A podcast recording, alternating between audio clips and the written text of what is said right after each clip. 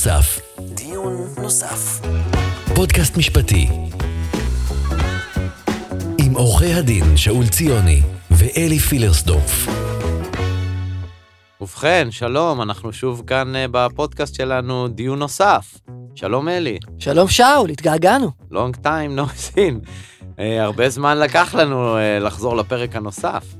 ממש, אה, פגרה, חגים, עומס מטורף אחרי החגים, אבל אנחנו כאן. הנה שוב אנחנו כאן, יש לנו פרק אה, לדעתי מרתק אה, בהמשך, בנושא הגבלות עיסוק, תניות אי תחרות. אבל לפני זה, אלי, רצינו באמת לדבר על כמה דברים קטנים. כן, אני, יצא לי לפני משהו כמו חודש להיות בבית המשפט העליון בדיון. אתה יודע, אתה מגיע לבית המשפט העליון, אני לא רוצה להגיד בחיל ורעדה, אבל במשהו דומה, אתה, אתה, אתה מגיע מתרגש ו- ו- ומתפעם, ואז אתה מגיע, אומרים לך להגיע בשעה 11 וחצי, וכמו שכולנו יודעים, בעליון קובעים שני בלקים של דיונים, שעה 9, שעה 11 וחצי, מזמנים את כולם, sure enough, אתה לא נכנס לפני השעה 3. המקרה שלך טוב, יש כאלה שמוזמנים לתשע, והם נכנסים בשעה ארבע או חמש, גם זה קרה. נכון. ואז אתה רוצה ללכת לשתות מים, ואין אין מים, קפיטריה. אין קפיטריה. הקפיטריה סגורה. עכשיו, זה לא רק העניין של הקפיטריה, זה התחושה שעורכי הדין כאן הם לא נחשבים. הזמן של עורכי הדין הוא, הוא הפקר, ההתנהלות כלפיהם היא, היא, היא לא הגיונית, שבזמן ההמתנה הארוכה אתה לא יכול אפילו לשתות קפה, זה, זה משהו אין שהוא... חדרי המתנה, אתה נמצא בחוץ באיזה מסדרון אה, מאוד יפה אמנם, אבל זה לא חדר שאפשר להמתין או לדבר עם הלקוחות. אנחנו בשנת 2021, אה, הגיע הזמן שבית המשפט העליון, הדיונים יתחילו פחות או יותר בזמן. יש דרכים להודיע, לא צריך לקבוע אלף דיונים על אותה שעה, הדבר הזה כבר צריך לא, אה, לעבור מן העולם. אין לי, אין לי טרוניה כלפי השופטים במובן הזה ברור. שזו, שזו ההתנהלות כבר, כבר uh, שנים רבות מאוד, ו, והם לא קובעים את הדיונים. אבל אפשר, אחרי שהצוותים עוברים על התיקים ש, שאמורים להיות, שינסו לתזמן uh, הארכות זמן ל, ל, לדיונים, ואפילו יום קודם ישלחו איזה משהו שהוא, שהוא משוער, זה לא הגיוני, שאנשים ימתינו ארבע וחמש שעות, זה, זה נכון, לא... אני שמעתי כמעט כל עורכי הדין מתלוננים על זה, לאף אחד לא נעים גם להעלות את זה, כי בכל זאת אנחנו מגיעים מבית המשפט העליון, אבל בית המשפט העליון בסופו של דבר נותן שירות לציבור, וזה חלק מהשירות, ואין שום סיבה שבמשרד הפנים יקבעו לך תור ותיכנס רבע שעה, 20 דקות לפני או אחרי, ולא בבית משפט עליון. אפילו שעה, אבל לא חצי יום או יום שלם. אז אה, כן, וזה גם קצת מתחבר לנושא השני, שזה העניין של התקנות החדשות, ובוא נגיד במרכאות הטרור, שהמזכירות התחילה להפעיל על כן, עורכי הדין. התחלנו לדבר על זה בזמנו, ואמרנו שזה עדיין, זה לא כל כך נורא, ואנחנו נראה איך זה מתפתח, אבל זה מתפתח רע. זה מתפתח רע, כי אנחנו באמת חדשות לבקרים רואים שהכתב טענות לא התקבל כי הכותרת לא במקום הנכון וכולי וכולי. אה, אפשר, עכשיו אפילו קיבלתי הודעה שכתב טענות לא התקבל כי הוא כולל הערות שוליים. יש בתקנות משהו שאוסר הערות שוליים? אין שום דבר, לא בתקנות אגב, ולא בכללים של מנהל בתי המשפט, אבל הופניתי לפסיקה. אז uh, תראו לאן זה הגיע. אגב, אני חושב שהערות שוליים, אם לא עושים לזה abuse, זה דבר מאוד חשוב, זה דבר שמופיע גם לפעמים בפסקי דין, וזה לא הגיוני לאסור על אה, הערות שוליים ולהחזיק אותנו בתור עורכי הדין, כאילו אנחנו איזה רמאים שעכשיו נעביר את הטקסט להערות שוליים. לא, אבל כל השיטה הזאת שמחזירים לך כתב טענות בגלל שהוא לא תואם לאיזשהו פורמט שהם קבעו שהוא צריך להיות, זה, זה, זה התנהלות של, סליחה, גנון. באמת, זה לא, זה- זה לא מתאים. אז אני חושב בהקשר הזה אפשר להגיד שני דברים. אחד, שאם הנהלת בתי המשפט, כל כך חשוב לה שהדברים יוגשו בצורה ממש ממש מסודרת. שיוציאו- אחידה, אחידה. אחידה, שיוציאו את הפורמטים. שיעשו קבצ- קבצי וורד וישלחו את זה וישימו את זה באתר שלהם, וכולם ידעו איך צריך להגיש. ולא צריך לנחש או זה, ופה חסר פסיק, שם חסר, זה, זה שיגעון. ושתיים, שאם באמת יש תקנות חדשות ובאמת הדברים משתנים, אנחנו מצפים לראות את זה גם בהתנהלות של השופטים. אבל זה עדיין לא קורה, אה, דברים נדחים, ואין החלטות, לא נפסקות תוצאות, אה, אנחנו מרגישים שהרפורמה הזו היא בעיקר, אה, בוא נגיד, פועלת אה, עלינו, אבל היא לא, אין לה תכולה אבסולוטית על כל השחקנים. אה, גם, גם היא בעיקר, הרפורמה הזאת היא בשוליים של השוליים. במובן הזה שההתעסקות עם הטכניקה ולא עם המהות. נכון שאנחנו מדברים על פרוצדורה.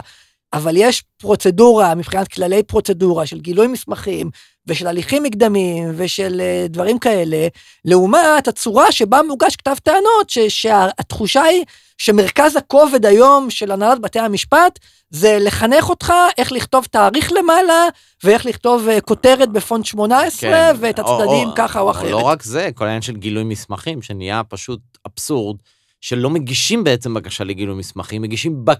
רשימת בקשות. ברשימת בקשות הזו אתה אמור לפרט בעמוד אחד את כל מה שאתה רוצה שהצד השני יגלה, ובעמוד, עוד עמוד, כל השאלות שאתה רוצה שהוא יענה. אם בית המשפט חושב שיש טעם, אז הוא יורה לצד השני, או שתגיש בקשה. זה מסורבל, זה לא הגיוני. אגב, כל העניין של גילוי מסמכים, זה כאילו מי שכתב את התקנות אומר, די, לא רוצים את הגילוי מסמכים הזה יותר. זה דבר... שלב ס- סופר חשוב. סופר חשוב. בארצות הברית, אגב, ממנים לפעמים שופט אחר שהוא מנהל את גילוי המסמכים, כי כולם יודעים כמה זה חשוב. אז חבל, דווקא זה נושא שאולי אה, כן יצטרכו לטפל בו בצורה אחרת, ואני כן חושב גם שכדאי שתוקם איזושהי ועדה שתקלוט ריג'קטים על כל התקנות האלה, וכדי לשפר, כי כולנו בסוף רוצים שהמערכת הזאת תעבוד אה, כמו שצריך ולא יסבלו. נכון? דיון נוסף. דיון נוסף. אוקיי, טוב, אז אנחנו עוברים עכשיו אה, לנושא שלנו. אנחנו פה מארחים את אה, דוקטור עינת אה, אלבין, דוקטור למשפטים מומחית אה, בדיני עבודה, חברת סגל בפקולטה למשפטים ומנהלת אקדמית של מרכז מינרווה לזכויות אדם. שלום עינת. שלום, מה נשמע? טוב, טוב, אה, טוב. אה, באוניברסיטה העברית צריך אה, לציין. סליחה, חס וחלילה, שכחתי, באוניברסיטה העברית, האוניברסיטה הטובה בעולם. טוב, בהחלט. בעולם, לגמרי, לגמרי. אה, אז עינת, בעצם, מה התחום שאת אה, עוסקת בו, אם תוכלי רק ככה קצת לספר למאזינים שלנו? בטח, בשמחה רבה. אז אני אה, מומחית לדיני עבודה, ואני חוקרת את התחום הזה כבר כמה שנים טובות. כתבתי את הדוקטורט שלי באוקספורד על כלכלה של שירותים, שאנחנו נדבר עליה קצת. אנחנו באמת מאופיינים בעולם שבו הכלכלה התעשייתית והכלכלה של חקלאות הצטמצמו בצורה אה, משמעותית מאוד, בעיקר אה, במדינות, אה, במדינות מערביות, אה, וישראל היא אחת מהן.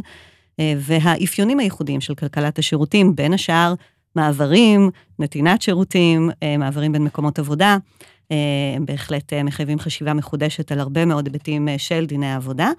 אה, אז זה נושא מחקר אה, מרכזי שלי, ובשנים האחרונות אני גם עוסקת אה, בסוגיה של טכנולוגיות חדישות אה, וההשפעה שלהם על עולם העבודה, וגם אה, על הקורונה יש לי פרויקט, אה, כי אי אפשר אה, שלא לדבר על הקורונה, אז- בעיקר בכל מה שקרה בשוק העבודה בשנתיים האחרונות בישראל ובעולם.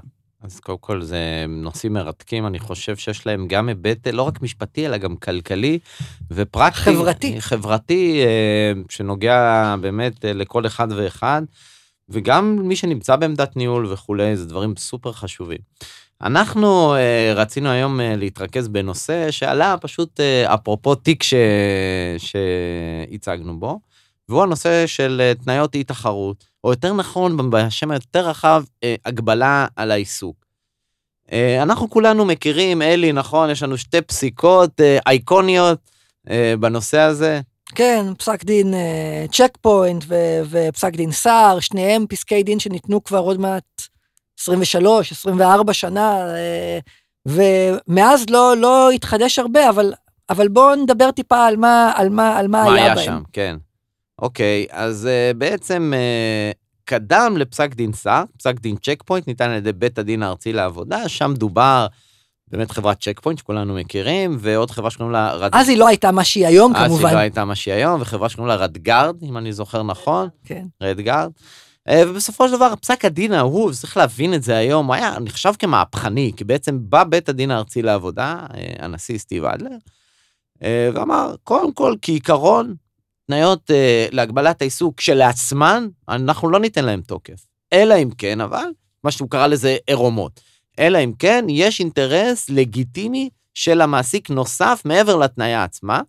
למשל, שמירה על סודות מסחריים, למשל, אם היה תשלום נוסף, תשלום עבור ה- ה- התניה עצמה, הכשרה מיוחדת של הכשרה העובד. מיוחדת, או מה שקראו לו תום לב ב- ביחסי העבודה.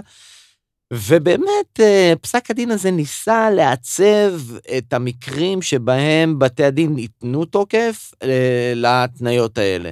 וזה באמת, אני זוכר שפסק הדין הזה יצא, הוא באמת חולל מהפכה תפיסתית, כי עד אז התכוונו, ל- בעצם כיבדו את התניות כמות שהן.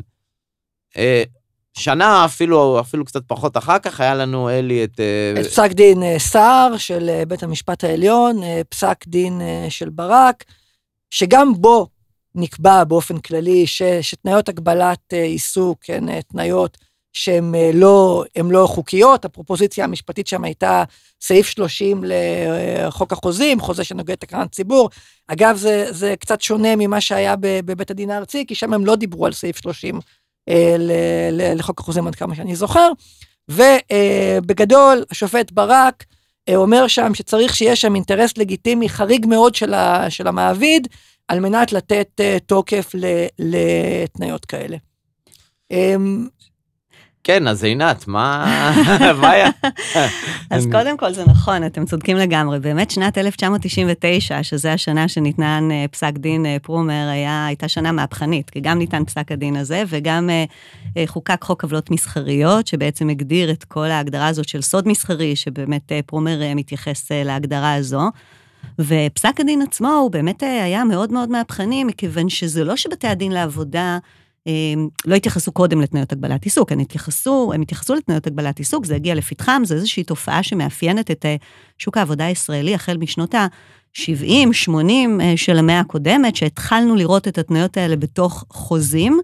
אה, זה מתחבר מאוד אה, ליציאה מעולם שבו הסכמים קיבוציים שלטו בשוק העבודה, עלייה של חוזה עבודה אישי בשוק העבודה, בעיקר בסקטורים מסוימים שלא היו מאורגנים, והנה באמת פתאום בשנות ה-80 אנחנו מתחילים לראות את הסעיפים הללו, והדברים מגיעים לפתחם של בתי הדין לעבודה, אבל בתי הדין לעבודה מאמצים גישה מאוד, חוזית מאוד חזקה כלפי החוזים. זאת אומרת, הם, הם טוענים שיש פה את חופש החוזים, זה משקף את האינטרסים של שני הצדדים, וגם רואים את כל הסוגיה של הסוד המסחרי כהגנה על קניין של המעסיק. ואז בא אה, פרומר, שהוא פסק דין באמת מהפכני, שהוא עשה שלושה צעדים מאוד מאוד משמעותיים בשינוי ההלכה הקודמת.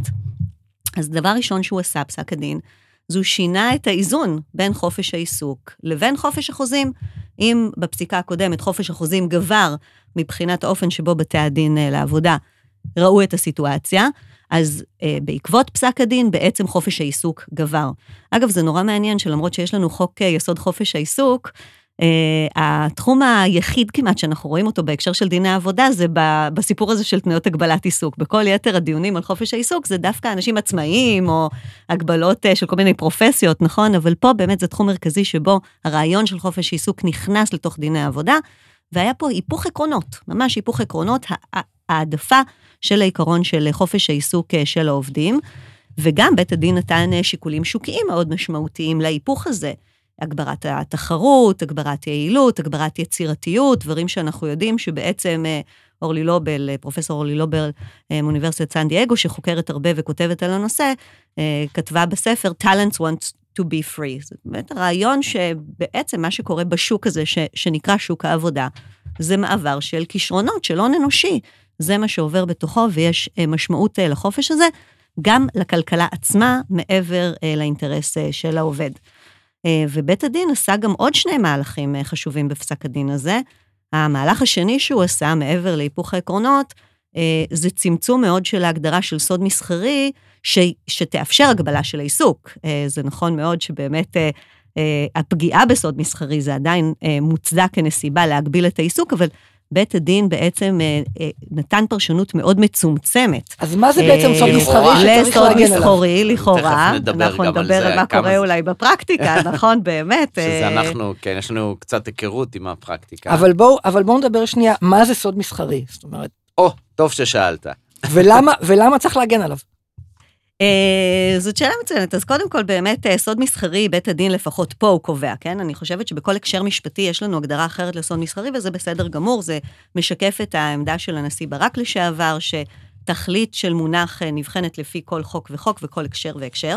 אז בהקשר של עבודה, באמת בית הדין לעבודה קובע שסוד מסחרי עשוי גם להשתנות בתוך ההקשר של עבודה בין ענף לענף, בהתחשב בהקשר התעשייתי, משהו שהוא סוד בענף אחד, לא בהכרח יהיה סוד בענף אחר. זאת אומרת, זה משהו שהוא מאוד קונטקסטואלי. זו איזושהי הגדרה שיש לה גמישות שהיא משתנה פר נסיבות, וכאשר הם מפרשים את המונח סוד מסחרי, הם אה, מדגישים שצריך לתת את הדעת, הנשיא סטיב אדלר, אה, אה, הנשיא בדימוס, מדגיש שצריך לתת את הדעת לטובת הציבור, לזכות של הציבור לחופש מידע, לשאול אם יש משמעות בכלל אם המידע הזה ייוודע לציבור הרחב, ייוודע לכלל. זאת אומרת, הרעיון הוא דווקא כן להנגיש את המידע לציבור, לא כל דבר להגדיר כסוד.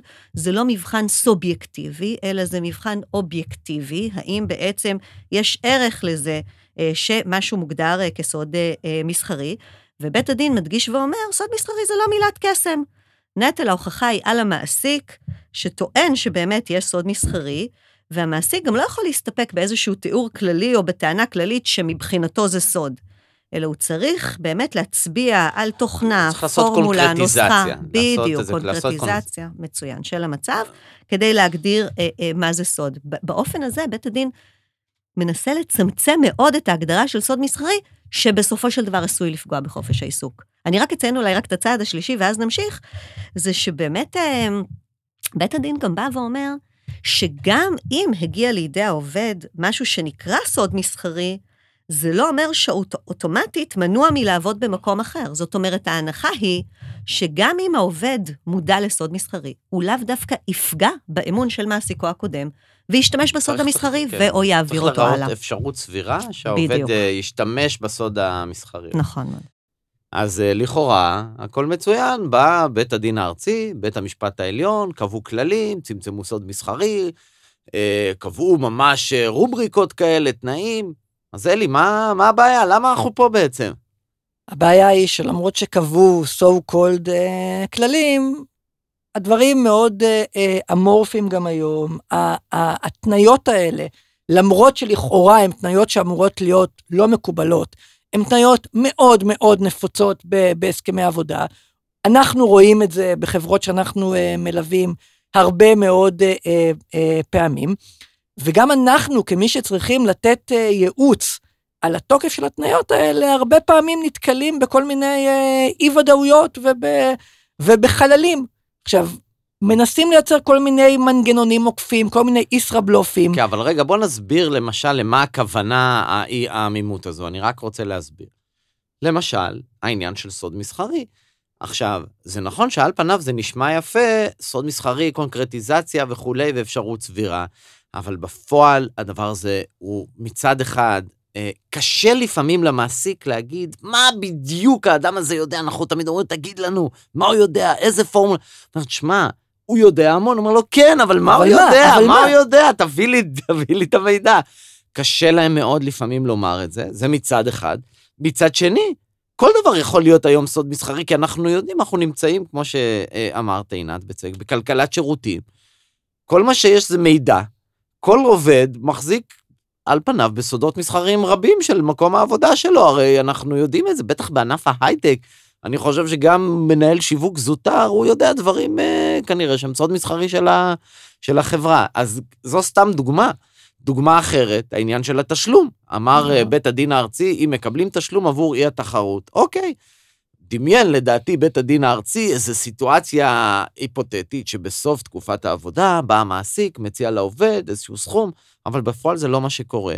בפועל בהרבה הסכמי עבודה היום כתוב שצובעים חלק מהשכר עבור אי תחרות, אגב זה מה שהיה לנו בתיק שלנו, לצורך העניין, היא אה, קבעה שהיא משלמת איזשהו סכום איזה, לא יודע מה, אלף שקל בחודש מתוך המשכורת. וזהו, אומרים, זה תשלום עבור אי תחרות. האם באמת זה תשלום עבור אי תחרות? זה הישראבלוף, זה חלק אז... מהשכר שסתם צובעים אותו אה, כאי תחרות. נכון, אז מה קורה? אז ייתנו תוקף לתנאי כזאת? אה, או לא ייתנו תוקף לתנאי? אני חושב שזה דווקא עניין קל, ולא ייתנו תוקף. אז זה לא כל כך קל, כי אין הרבה פסיקה בנושא הזה. יצא פסק דין בעניין של העובדים במשרד שלמה כהן, שבאמת שם הם קיבלו איזה, לא יודע, זה 400 שקל, בא בית הדין לעבודה, אמר, טוב, 400 שקל זה לא הרבה, אז אני לא נותן לזה תוקף. אז כמה זה עכשיו יהיה בסדר? ולכן מה שקרה בעקבות פסק הדין הזה, ממלכת אי הבהירות גדלה מאוד. גם איזה תקופה? האם אה, אה, שנה וחצי זה בסדר? כנראה שלא. זה כנראה נהייתה מוסכמה שמעבר לשנה זה מאוד קשה, אבל שמונה חודשים זה עובר? חמישה חודשים? אלה שאלות מצוינות. קודם כל, באמת, ברגע שבית הדין קבע חריגים לכלל, נכון? כמו בכל סיטואציה שנקבעים חריגים לכלל, והוא קבע פה ארבעה חריגים מרכזיים, הסוד המסחרי, ההכשרה המיוחדת, התשלום שניתן, החובת תום הלב והאמון. אה, ברגע שעורכי דין יודעים שיש חריג והם באים לנסח חוזה, הם נאחזים בחריגים האלה והם יעשו הכל במסגרת של חוזים, אה, להכניס את החריגים. ולמה? כי באופן עקרוני למעסיק יש אינטרס שיהיה סעיף כזה בחוזה. למה יש לו אינטרס שיהיה סעיף כזה בחוזה? מהסיבה הפשוטה שהוא מבחינתו יכול להגביל את העובד שעובד אצלו ולמנוע את המעבר שלו, ואו לגרום לו להישאר אצלו, ואו כמובן לגרום, למנוע מלהעביר אפילו דברים שאם זה יגיע לפתחם של בתי הדין לעבודה, בכלל לא ייתפסו כסוד מסחרי. ולעומת זאת, הוא במקביל לא מנוע מלקחת uh, טאלנט אחר ממישהו אחר, נכון? זאת אומרת, הוא לא מגביל את עצמו במסגרת החוזה. לא, הוא, הוא מגביל עם, עם, עם אותו עובד שהוא יביא אותו, מפר בעצמו תניה, אז יתבעו אותו גם. אם, זה, א', זה, לא זה בהכרח קורה. יתבעו אותו, זאת אומרת, נכון. עצם קיומם של אה, סעיפים בתוך חוזה, צריך להניע, לה, צריך את זה להביא בחשבון, שאנחנו יודעות ויודעים שעצם קיומם של סעיפים בתוך החוזה, לא אומר שאחר כך ילכו ויתבעו את האנשים נכון. האלה בבתי הדין אין לעבודה. לו מה להפסיד ואני מקיום של יכולה סעיף להגיד כזה. לכם, בדיוק, למעסיק אין מה להפסיד. כי אה, אם הוא ירצה להביא עובד ומעסיק אחר הכניס את הסעיף, אז הוא ייתקל בבעיה. הוא גם ייקח אולי את הסיכון, כי הוא יודע שלא בהכרח יתבעו אותו, וגם עד שיתבעו ועד שבתי הדין ידונו בסוגיה, כבר יעבור פרק זמן מסוים שבסופו של דבר יהפוך ללא רלוונטי, והוא בעצם ייצר איזשהו מנגנון הרתעתי כלפי העובדים שלו, כדי שהם לא יפרו את תניית הגבלת העיסוק. ואני יכולה לומר לכם שהרבה פעמים שעובדים מעבירים אליי חוזים מן הסוג הזה, וכמעט בכל חוזה, למרות ששוב, זה אמור להיות מאוד מאוד מאוד מוגבל, אנחנו מוצאים את הסעיפים הללו בצורה כזו או אחרת, כן? זה יכול להיות בדוגמה של תשלום, זה יכול להיות בדוגמה של איסור לעבוד אה, אצל לקוח, אה, באיסור לעבוד, אה, אנחנו לא נמצא היום כמעט תניות גורפות לחלוטין, אבל אנחנו נמצא אה, תניות כאלה ואחרות, זה נמצא בתוך החוזים, ואני אומרת לאנשים, אל תדאגו. אה, זאת אומרת, הסיכוי שבאמת אה, בתי הדין לעבודה בסופו של דבר יאכפו בדווקנות הוא לא גדול, אבל אתם צודקים לחלוטין שיש מקרים שבהם בתי הדין לעבודה עדיין נותנים תוקף לחוזים הללו. מה שאני חושבת שהיום חסר, אגב, מבחינה מחקרית, זה באמת ללכת ולקחת, לעשות בדיקה של היישום, האופן שבו בתי הדין לעבודה באמת מיישמים את הדברים האלה לעומק ולראות. מבחינה מספרית, סטטיסטית, כמה באמת אה, משקל, באיזה נסיבות, לקבל אז- איזושהי אז- תמונה רחבה מעבר לדוגמאות הספציפיות הבעיה- שכל אחד הבעיה- מאיתנו הבעיה- באמת יכול להביא. כן, זו בעיה מאוד קשה לעשות מחקר כזה, כי הרבה מהתיקים האלה נגמרים בדיון בבית הדין. עכשיו, מה זה נגמרים? בפשרה. כן, נגמרים באיזשהו הסדר. הסיטואציה הזאת, היא גורמת, לדעתי, אני דיברנו על זה, אלי ואני קודם, לבעצם שוק של מפרים. למה? כי נניח שאני העובד, ועכשיו הכניסו לי את התניה הזו, והלכתי להתייעץ איתך, אז אמרתי, עזוב, לא יאכפו את זה וזה, אבל עכשיו אני מקבל הצעת עבודה מאוד טובה. אני לא רוצה להיות זה שמפר את החוזה, או וואלה, אני- מה, מה, הם יתבעו אותי עכשיו, אני אלך לבית הדין, מי אני ישלם? שונא סיכון, אני מה אני להתעסק צריך עם את זה? עזוב אותי מזה. אתם צודקים לגמרי. אני חושבת שעצם קיומה של הפרקטיקה זה משהו שאנחנו אה, בהחלט צריכים אה, לחשוב היטב, איך אנחנו בצורה יותר אה, מוסדרת מבחינה משפטית אה, מפסיקים אותה. וצריך גם להביא בחשבון בהקשר הזה ש, אה, ש, ש, שהיום יש אה, פרקטיקות, למשל בואו ניקח מדינות כמו קליפורניה, כן, בארצות הברית, ששם תניות הגבלת העיסוק הינן אסורות. אבל השוק ייצר פרקטיקות חלופיות להגביל את העיסוק של העובדים, זאת אומרת להגביל כן. מעברים. כמו מה למשל? כמו למשל, מניות ואופציות, נכון? עצם העובדה שאדם יהיה זכאי, עובד או עובדת יהיו זכאים למניות ואופציות באיזשהו שלב במהלך העבודה שלהם. והיום, אגב, בתעשיות שלמות, בעיקר בתעשיית ההייטק, אה, אה, זה סכום הרבה יותר משמעותי של מניות נכון. ואופציות מאשר השכר עצמו. כן. זאת אומרת, זה תמריץ כלכלי מאוד מאוד גדול שנקרא- להישאר במקום העבודה כדי לקבל את המניות או האופציות. וסטד, זה, זה, אם אתה צריך להשלים תקופה בשביל לקבל את המניות האלה. אבל מה נכון. הבעיה? החברה, ואז- רוצה לשמר עובד, וזה חלק ממנגנוני השימור. מה, מה, אה, למה, למה זה רע? החברה יכולה לשמר עובד בדרכים אחרות מבלי לייצר תמריצים כלכליים ו/או הסדרים חוזיים שיגבילו את העיסוק שלו. זאת אומרת, אנחנו יכולים לייצר סביבת עבודה שהיא מתאימה, אנחנו יכולים לייצר אפשרויות קידום, אפשר להעלות לו את השכר בדרך, אפשר לעשות הרבה דברים אחרים מבלי לייצר מנגנונים שוקיים ו/או משפטיים שיגבילו בסופו של דבר את העיסוק. הסיבה שעושים את הדברים הללו, אגב, יש דוגמאות נוספות, מעבר למניות ואופציות.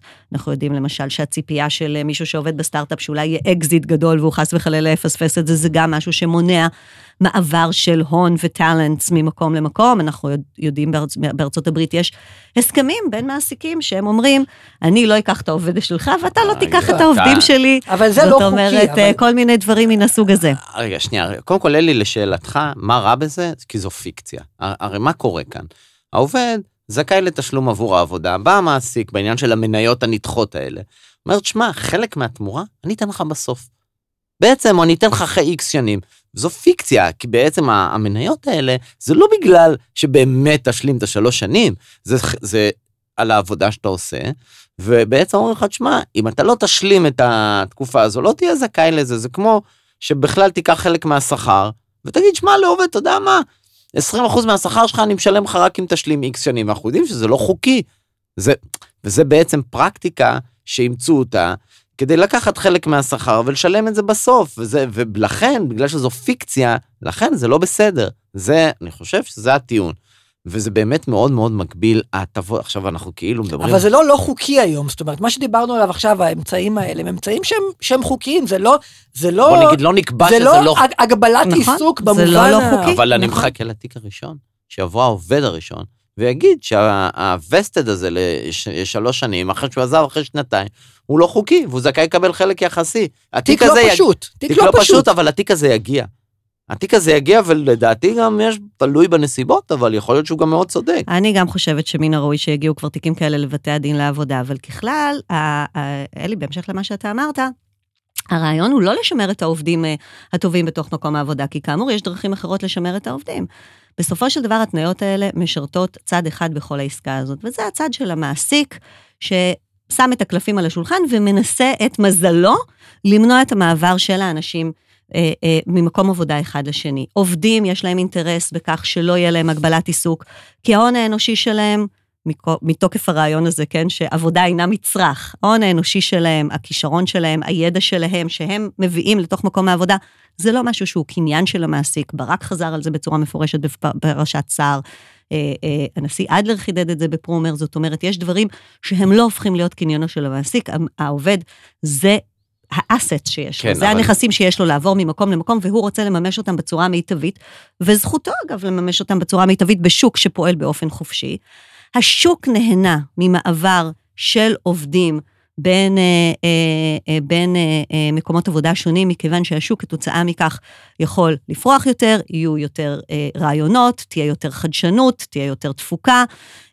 גם היום זה מאפיין מרכזי של שוק העבודה. אם בעבר היינו מדברים על שוק שיציבות תעסוקתית וקביעות אפיינו אותו, ואז אולי דברים כאלה פחות הפריעו לנו, היום אנחנו מדברים על דור שכל שלוש-ארבע שנים עוזב מקומות עבודה. זה אינטרס משמעותי של השוק ואפיוניו היום ושל העובדים. אז את מי זה משרת בסופו של דבר? כאמור, את אותו מעסיק שהוא אבל לוקח, את, בסדר, ה... אבל אני הוא חושב- לוקח את, כן, ה... אבל- את הסיכון. עכשיו, אני גם רוצה רק להוסיף ולומר שנכון, ייתכנו נסיבות יוצאות דופן, שבהם אולי יהיו לתנועות כאלה לגיטימציה. זאת אומרת, אם אנחנו מדברים על איזשהו משהו שהוא באמת בתהליך של פיתוח וסודי ביותר, ואנחנו לא רוצים... כאלה, עינת. אה, ואנחנו לא, לא, לא רוצים שחס וחלילה הדבר הזה יעבור לידיים של מישהו אחר, כי זה ימוטט, ימוטט כן. באמת את ההון שהושקע בזה ואת המשאבים שהושקעו בזה. במקרים מעין אלו יש רציונלים, לדעתי, לתניות שמגבילות את העובד מלהקים משהו אה, מתחרה, אבל כן? שישבור את בסדר, העסק אז- הקודם. אבל- השאלה היא איך אנחנו משרטטים את הקו הזה בצורה יותר מדויקת. דיון נוסף. דיון נוסף. יש שתי בעיות. אחד, הבעיה, המקרים האלה שמישהו מעורב בפיתוח רגיש, במד... איך אומרים, אומת הסטארט-אפ, זה לא מקרים חריגים. יש פה מאות ואלפי סטארט-אפים. חלק מהאנשים הם עובדים אולי צעירים, אבל הם יודעים המון, הם מחזיקים, אני כבר ראיתי בעצמי, עובדים כאלה, מחזיקים כמו נשק גרעיני. וזה המצב, זה קורה, זה לא נכון שזה משהו נדיר, זה לא נדיר, זה נכון שזה מאוד אופייני לתעשייה הזאת, אבל התעשייה הזו בישראל היא, היא גדולה. חלק גדול חלק מהאזורים. גדול ראינו עובדים, כן, שמחזיקים מידע, הם מחזיקים, לפעמים, הם יודעים יותר מאשר מי שהקים את החברה, כי סמכו עליהם. אז הבעיה שהיא באמת קיימת. שתיים, עוד מקום שאני רואה את הבעיה הזו, זה בעובדים בכירים. יש עובדים שהם בכירים מאוד, הם יודעים, באמת הם יודעים, את כל התמחורים, את הדברים הכי הכי רגישים, פתאום מקבלים הצעה מחברה מתחרה, והנה לא קרה כלום והם עוברים. ולכן יש פה בעיה. השאלה, מה שקרה כאן, זה שהנושא הזה, שבאמת נושא מורכב, שכמו שאמרנו, זה דורש איזונים, יצא משליטה. השאלה אבל איך מחזירים אותו לשליטה, ולא גם יוצרים מצב שלא יהיו בכלל, יהיה בכלל תוקף, או שבכלל אפשר יהיה להגביל את העיסוק, כי אני לא חושב שזה נכון שמישהו יהיה מנכ"ל של חברה, וביום שאחרי זה הוא יעבור לחברה המתחרה, אפילו כשהם מתמודדים, תארי לך, וזה קורה, ראינו זה קורה, על איזה פרויקט מסוים. בוודאי. אז- אה, אני מסכימה איתך לגמרי, אני באמת חושבת, כפי שאני ציינתי קודם, שהשאלה היא איך אנחנו בעצם משרטטים את הקו הזה. זאת אומרת, איך אנחנו גורמים לכך שבסופו של דבר מצד אחד, כאמור, אה, אה, אה, תהיה תנועה במשק ותהיה יותר תפוקה ויותר יצירתיות, ומצד השני, אנחנו באמת מגנים על האינטרסים הללו שעשויים למוטט את העסק ועשויים לפגוע במקומות עבודה של הרבה מאוד עובדים אחרים, אה, שאנחנו לא מעוניינים בכך, לא מבחינה כלכלית ולא מבחינה חברתית ולא מבחינת האופן שבו השוק עובד. אה, באופן בתיאוריה, הכללים שקבע אדלר אה, בפרומר הם כללים מאוד נכונים במובן הזה, נכון? זאת אומרת, אפשר לבוא ולומר שכאשר מעסיק, למשל, משקיע בהכשרה של עובדים, ו, אה, אה, ומשפר את ההון האנושי שלהם כתוצאה מההכשרה הזאת, יש לו איזושהי ציפייה שהיא סבירה שהם ימשיכו לעבוד באותו מקום עבודה.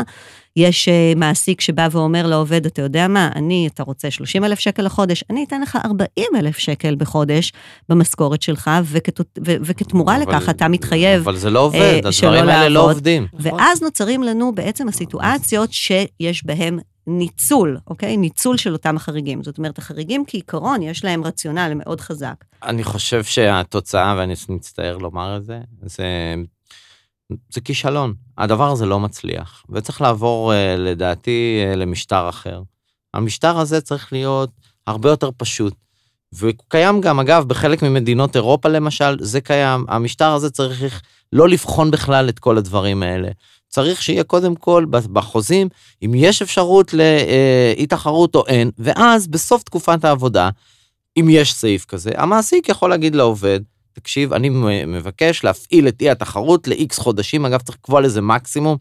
לדעתי, אגב, יותר משישה חודשים זה די ויותר, עוד לא ראיתי אם זה כזה סוד מסחרי נורא, מה יקרה בין השישה לשמונה, אז שישה חודשים. וצריך לקבוע מה אחוז מהשכר האחרון של העובד ישולם עבור התקופה הזאת.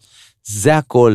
ואז תהיה ודאות, ידעו מה קורה, לא יצטרכו לבחון. אגב, כל הדברים האלה גם קורים בסעדים זמניים. יושב בית הדין, עכשיו איזה דיון כזה דחוף, הוא צריך בעצם לברר תיק שלם ועתיד של בן אדם או של חברה, כי החברה אומרת, זה סוד מסחרי נוראי, זה, זה יפיל את כל החברה. לא צריך את כל זה, זה לא מתאים, אפשר לעשות משטר כזה, זה הרבה יותר ברור. גם יודעים, ולא יהיה את כל הפיקציות האלה של התשלומים האלה בשכר ואני לא יודע מה. ואז יודעים, אתה רוצה ארבעה חודשים? בסדר גמור, תשלם 60% מהשכר. העובד יקבל, הוא יכול אגב לעבוד בכל עבודה אחרת, חוץ ממה שנאסר עליו.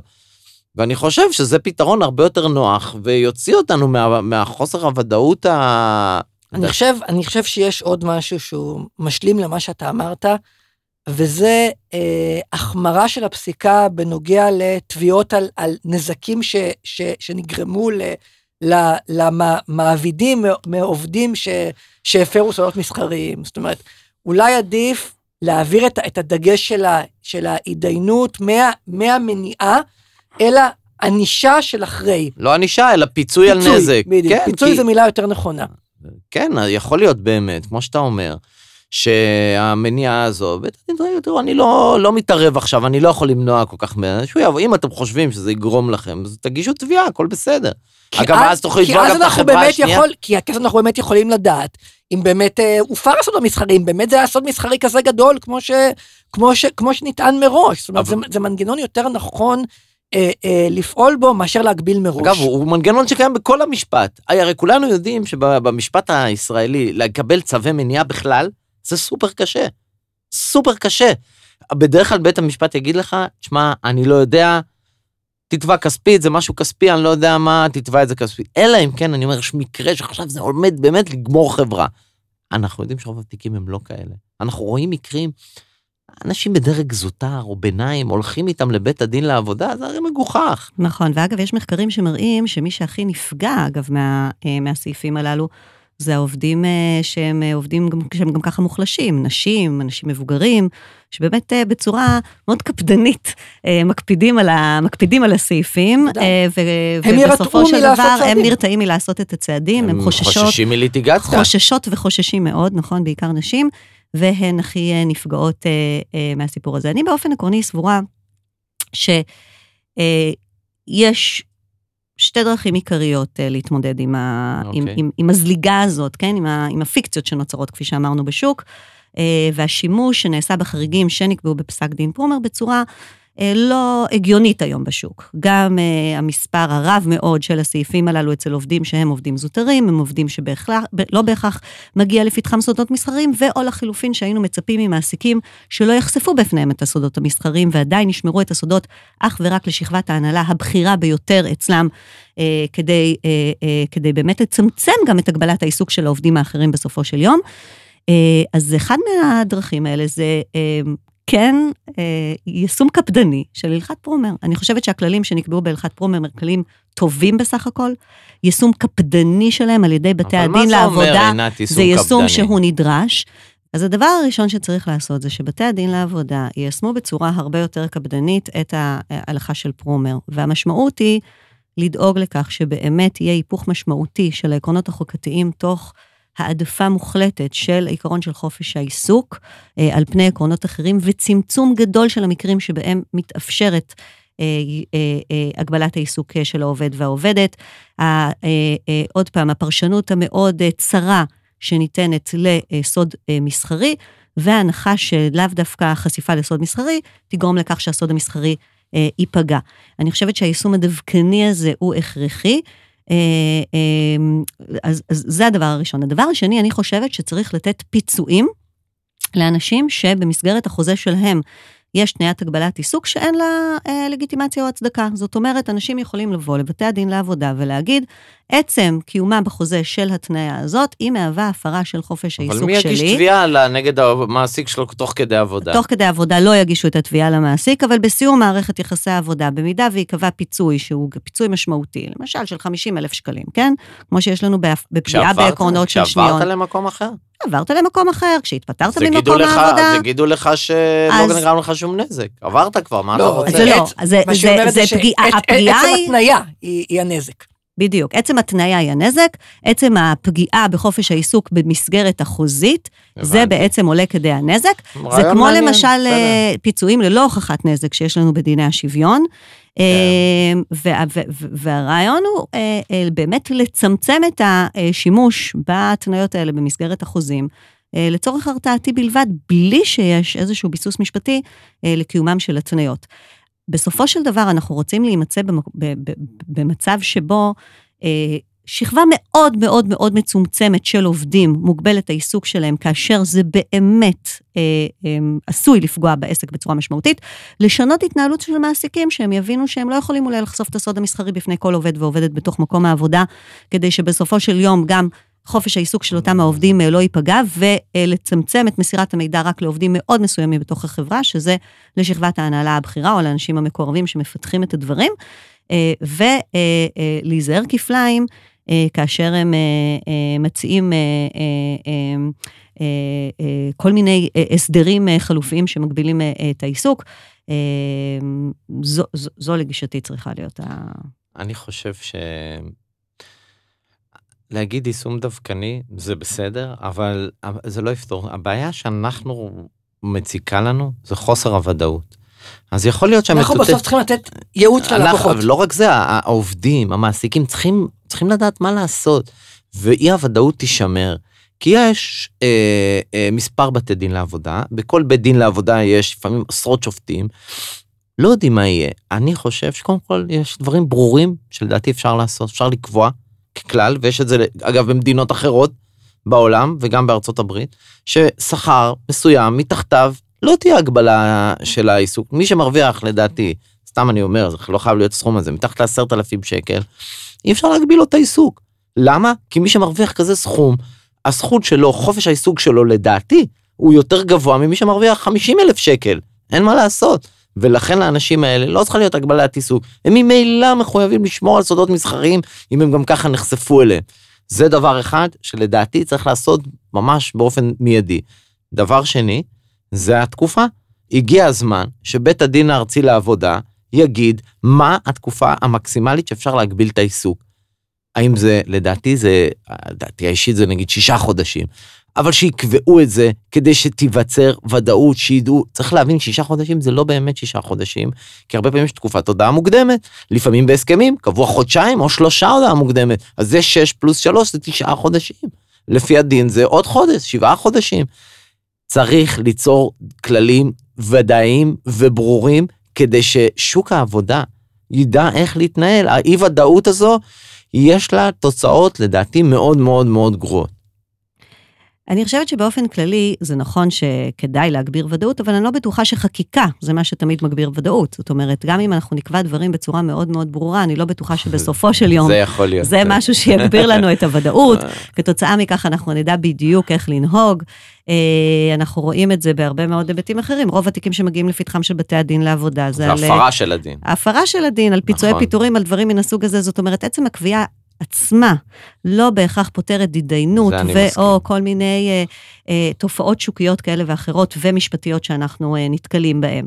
אני מסכימה לגמרי שצריך להיות, צ- בהחלט, בעיניי פשוט צריך מחקר, כן, אני מצטערת, נכון. אני מאמינה בערך של נכון. מחקר. אני חושבת שצריך מחקר שישקף לבתי הדין את האופן שבו מיישמים או לא מיישמים את, ה, את, ה, את ההלכה, את התעתוע שיש בדברים הללו, ישקף גם את ההתנהלות אה, של השוק אה, אה, בשימוש בתניות הללו, ועל בסיס המחקר הזה אפשר יהיה לקבוע קביעות. הרבה יותר חד משמעיות וברורות, ולראות גם איפה בתי הדין סוטים. אני יכולה להגיד לכם, אגב, שאתה אמרת שמחקר כזה הוא לא אפשרי, שבדיוק עכשיו אנחנו עושים מחקר על היישום של הלכה אחרת, כן, בתחום אחר, אבל, אבל, אבל זה מעניין לחשוב כן. על זה בהקשר הזה של איסקוב ענבר, שזה פסק דין שקבע את אה, הנושא של פרטיות אה, בעבודה על ידי בית הדין הארצי כן, כן, לעבודה. פסק דין... אה, בתי הדין האזוריים לעבודה ובית הדין הארצי לעבודה משתמשים ומפנים רבות אה, לאיסקוב ענבר, ובמחקר שאנחנו עושים עכשיו של 51 אה, פסקי דין שניתנו אוקיי. בערכאות השונות, אנחנו ממש מראים עד כמה ההלכה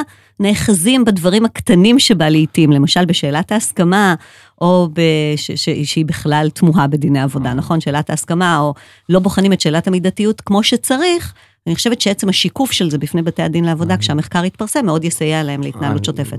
אני מסכים שמחקר אה, פה מאוד חשוב. אגב, במיוחד שדנים פה בעצם בסוגיות כלכליות, למשל, אחד הטיעונים שעלו זה שאם יש הכשרה מיוחדת ולא ייתנו תוקף, אז המעסיק לא יכשיר את העובדים.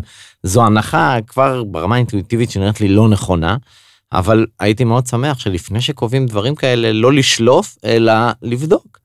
זה דברים שאפשר לבדוק אותם, זה דברים אמפיריים, כלכליים, צריך לבדוק. אלי, מילות סיום, אז אה, דיברנו על אה, תניות אה, אי התחרות. על אה, הגבלת העיסוק בכלל. כן, על למה, על למה זה רע, ואני חושב שבסופו של דבר המסקנה של כולנו היא שזה תניות שהן לא טובות לחברה, שצריך לצמצם אותן כמה שיותר, אבל מנגד, וזה, וזה אנחנו דווקא, שאול, רואים בחיי היום-יום, גם המעסיקים צריכים איזושהי הגנה. נכון שזה צריך להיות במקרים מאוד מיוחדים ולא בכל אבל, מקרה. אבל כשמגיע מקרה הם צריכים הגנה. נכון, וזה... וגם זה אין תמיד. נכון. בגלל חוסר הוודאות הזו שמגיע המקרה, אז גם אין הגנה.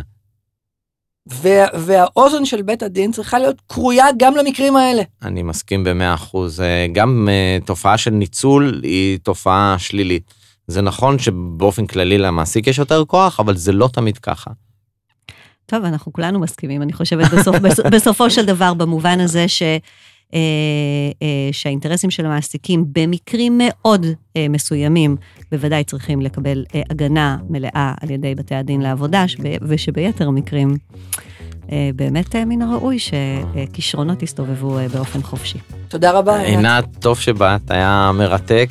אנחנו עוד נזמין אותך, כי יש לנו עוד נושאים ב- ב- בשוק העבודה.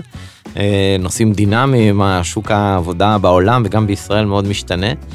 ותודה שבאת. בכיף. חזרנו מהפגרה, חזרנו. ונהיה עכשיו אה, לעיתים יותר קרובות. אז אה, נחמד מאוד איתכם. תודה. להתראות. דיון נוסף. דיון נוסף. פודקאסט משפטי. עם עורכי הדין שאול ציוני ואלי פילרסדורף.